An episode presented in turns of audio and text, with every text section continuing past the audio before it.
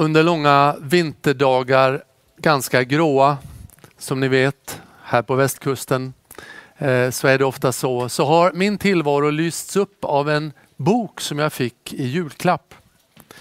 Boken hette Ålevangeliet. Och författaren lyckas där väva samman en vacker berättelse om honom själv och hans far. Och samtidigt den fantastiska berättelsen om ålens livscykel från Sargassohavet tillbaks till Sargassohavet med fyra metamorfoser, förvandlingar längs vägen. Och till det så gör han en liten djupdykning i det kristna evangeliet. Allt det där inspirerade mig väldigt mycket. När jag nu inför den här söndagen läste de texterna som föreslås, eh, jag brukar göra det ganska ofta eh, när det gäller vårt kyrkoår, så började jag också associera till en annan mäktig varelse, en annan mäktig berättelse i eh, djurvärlden. Och eh, därför kommer jag att kalla den här predikan för Örnevangeliet. Och du kommer kanske att förstå varför när jag nu läser texten eller en av de texterna som är föreslagna. Prisa Herren, ni hans tjänare, prisa Herrens namn. Lovat vare Herrens namn nu och för evigt. Från öster till väster ska Herrens namn bli prisat.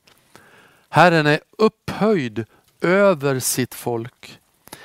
Över alla folk, högre än himlen når hans härlighet. Vem är som Herren vår Gud? Han som tronar så högt men som ser så djupt ner. Vem i himlen? Vem på jorden? Den hjälplöse reser han ur gruset. Den fattige lyfter han ur dyn. Han ger dem rum bland furstar, bland furstarna i sitt folk. Han ger den ofruktsamma ett hem som lycklig mor till söner. Halleluja.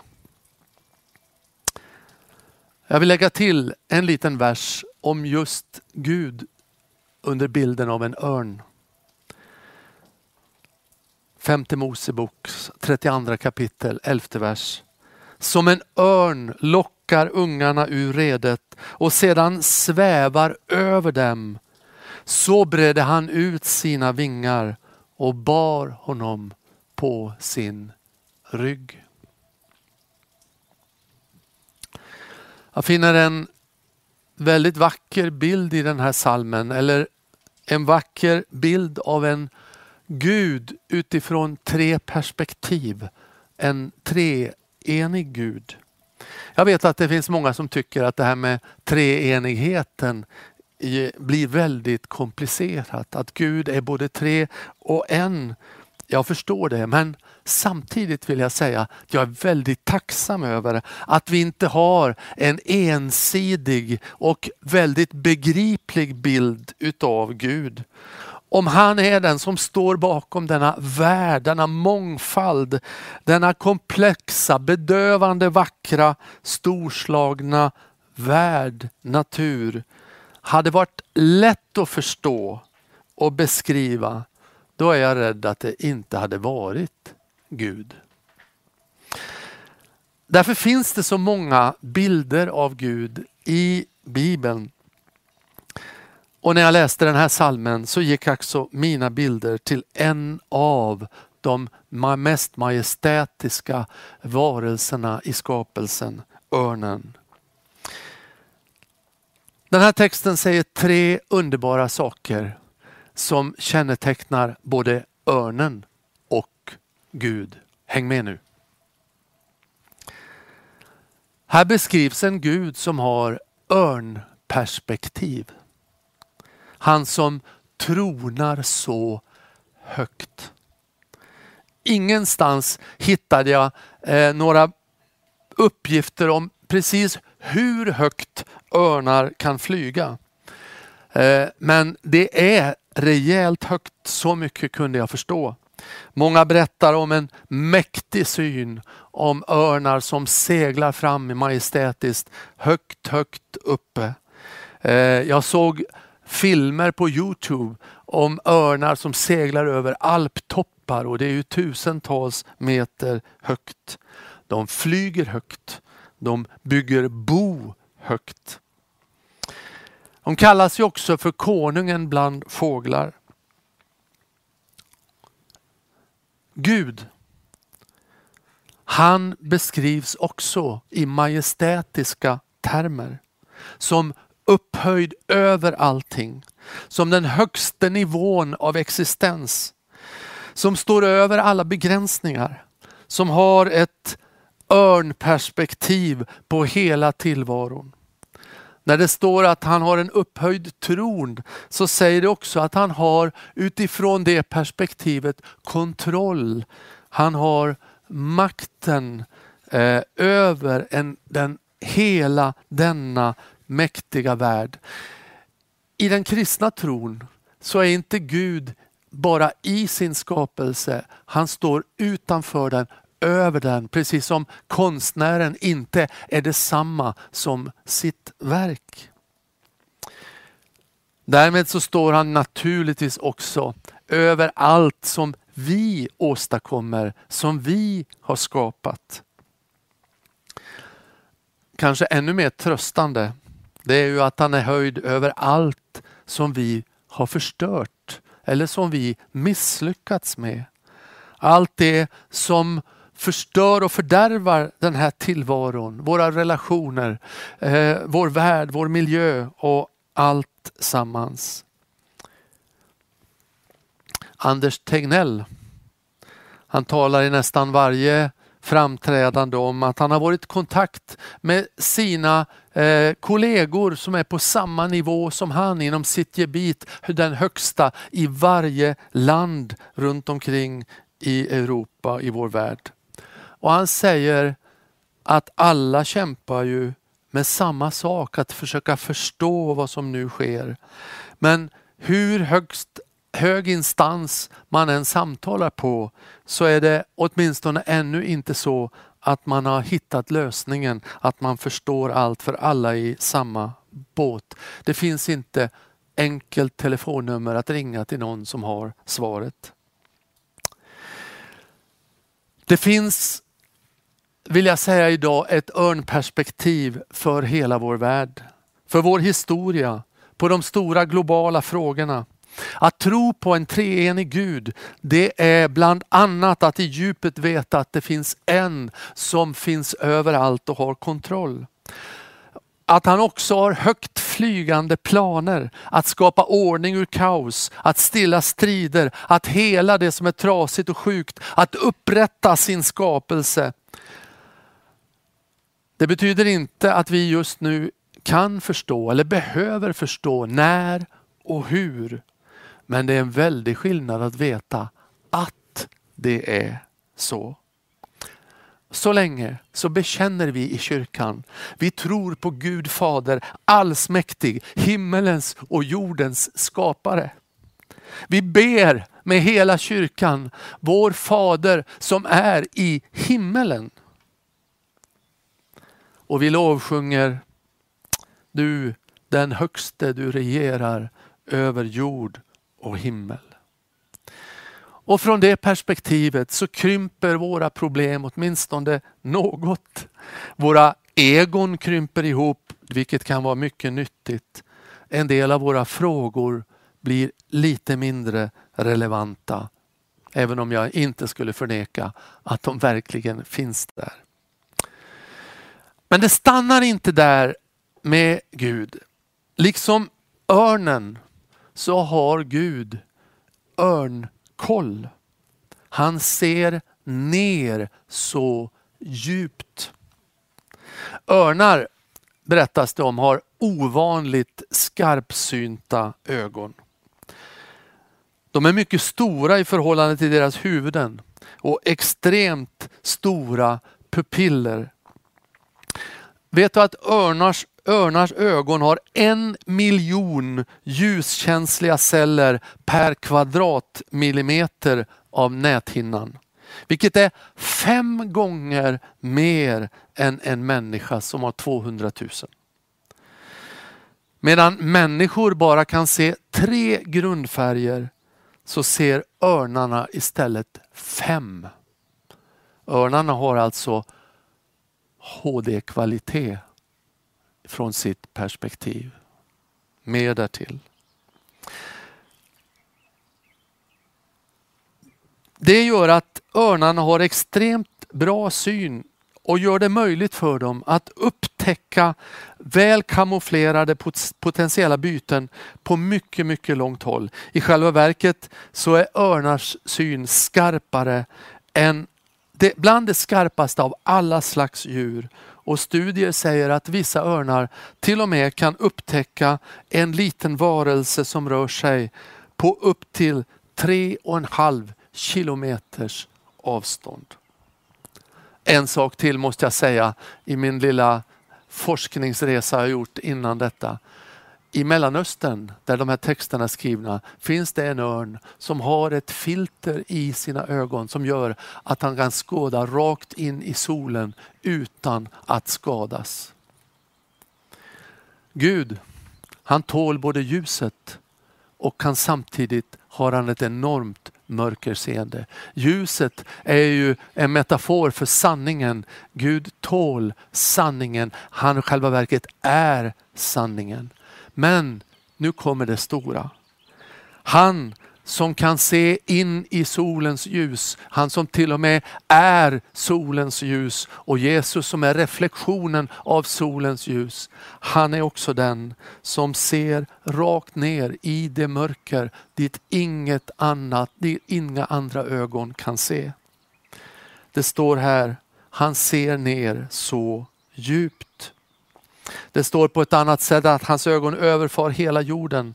Han skådar ner för att se om det är någon förståndig som söker Gud. På ett annat ställe står det, Gud är upphöjd och helig och bor i helighet uppe i höjden. Men också hos den som är ödmjuk och har en förkrossad ande.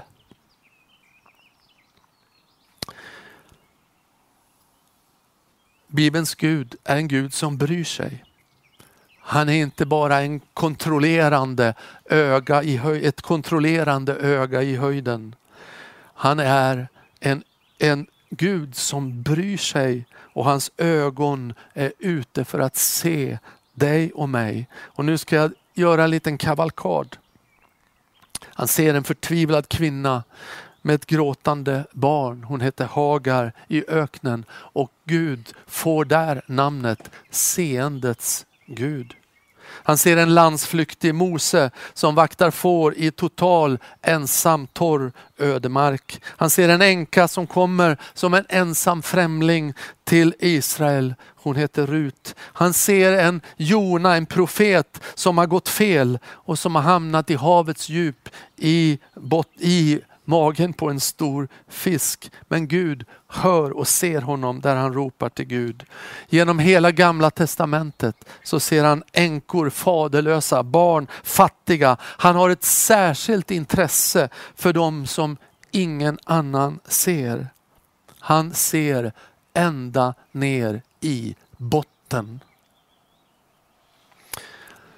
Här kommer en annan aspekt. Det handlar inte bara om att han där uppifrån är skarpt synt ner i detaljerna.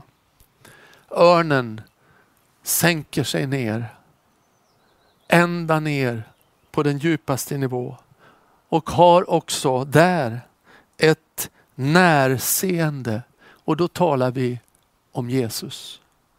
Då talar vi om Jesus som kom som är Gud som stiger ner och liksom hovrar över världen men sedan kliver in i den och blir bofast under en tid i vår världs historia. Johannes evangeliet i Bibeln har genom kyrkohistorien symboliserats av just örnen. Det är ett evangelium med örnperspektiv. Den börjar så, i begynnelsen var ordet och ordet var hos Gud och ordet var Gud. Och så talas det om hela skapelsen och talas om Gud över allting. Men mitt i samma kapitel så står det plötsligt att ordet blir människa och bor och tar sin boning ibland oss. Och nu kan vi följa Jesu blick genom till exempel Johannes evangeliet. Hela den storyn börjar med att Jesus på Jordanstranden vänder sig om och ser att två unga grabbar följer honom efteråt. Han ser Johannes, är det förmodligen, författaren till evangeliet. Han ser Andreas och i det ögonblick han ser dem och säger följ mig, ni får vara med mig den här dagen. Så förändras hela, de, hela deras livshistoria. Och det är också därför som vi har örnevangeliet, Johannes evangeliet. För han börjar att skriva, minnas och skriva den fantastiska historien om Jesus. Sen följer i Johannes evangeliet ett antal berättelser om hur Jesus ser Andreas bror Petrus, hans liv tar en helt ny riktning, liksom Filippos. En Natanael som trodde att han bad i hemlighet under ett fikonträd blir sedd av Jesus. En Nikodemus som eh, sökte och tvivlade och sökte Jesus på natten. Han blir sedd i mörkret. Flera utsatta kvinnor som ingen såg eller såg och blev sedda på med förakt. Jesus ser en blind tiggare, en pojke som kommer med skrattretande ynka fem bröd och några fiskar som vill hjälpa till och mättas tusentals. Han såg honom. Han såg en kroniskt sjuk man. Han såg en blind tiggare, tre föräldralösa syskon. Men det här gäller alla fyra evangelierna. Han ser en avskydd tullman, Sackeus, som har gömt sig i träd. Han ser en ung rik man som har allt han egentligen behöver men längtar efter mening och evigt liv. Han ser barn som omgivningen vill köra bort. Han ser en fattig kvinna som ger några få ynka ören men det är allt hon har, hon ger av hjärtat. Han ser flera utstötta kvinnor, flera som världen hade dömt. Han ser med kärlek rakt igenom yta och in i hjärtat. Allt det här är beviset på att Gud har örnkoll på ditt liv. Och jag läser psalm 139. Dina ögon såg mig när jag knappast var formal.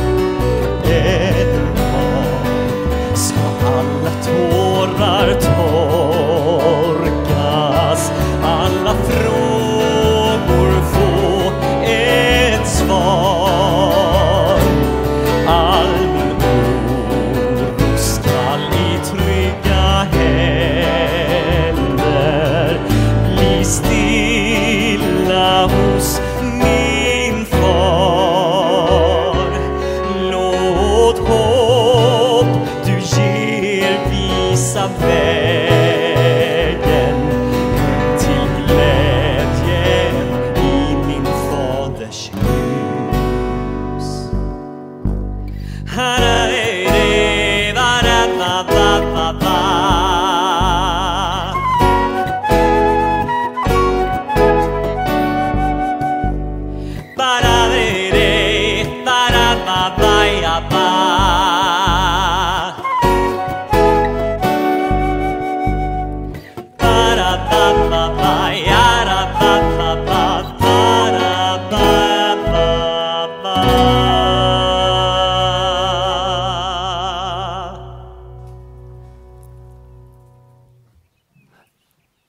såg i den här texten en tredje egenskap som är gemensam för örnen och för Gud.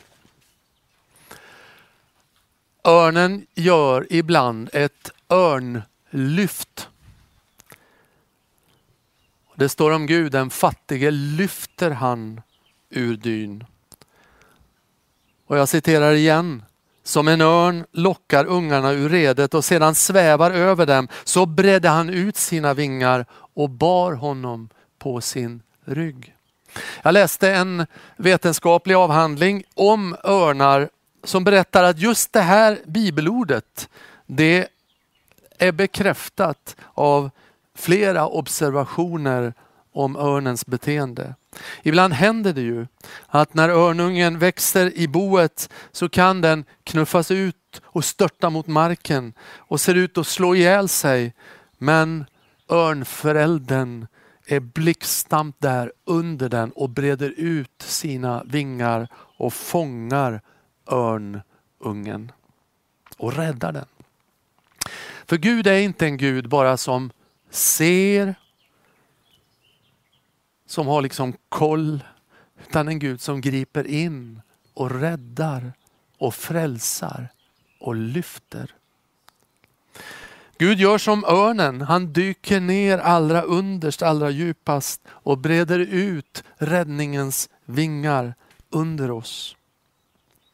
Varje möte som jag gick igenom när jag, när, jag, när jag gick igenom evangeliet handlar inte bara om att Jesus såg, utan det handlar också om livsförvandling, om nya faser av livet i en ny uppåtgående rörelse av frälsning och upprättelse. Man kan inte gå djupare ner i mänsklighetens mörker än vad Jesus gjorde när han dör på ett kors. Men i själva dödsögonblicket så fäller han ut en räddningens vinge och lyfter en förbrytare, en rövare in i själva paradiset.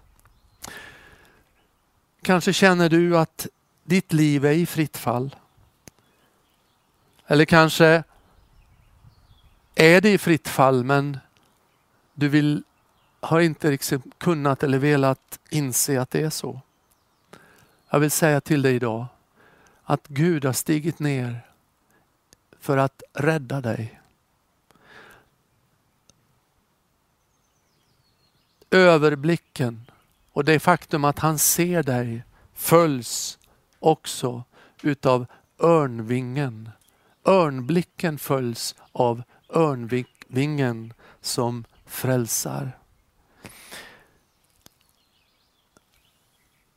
Nu är det så fantastiskt här att bilden handlar inte bara om att rädda ungen från döden. Bilden är ju också hämtad härifrån det tillfällen är ungen ska lära sig att flyga.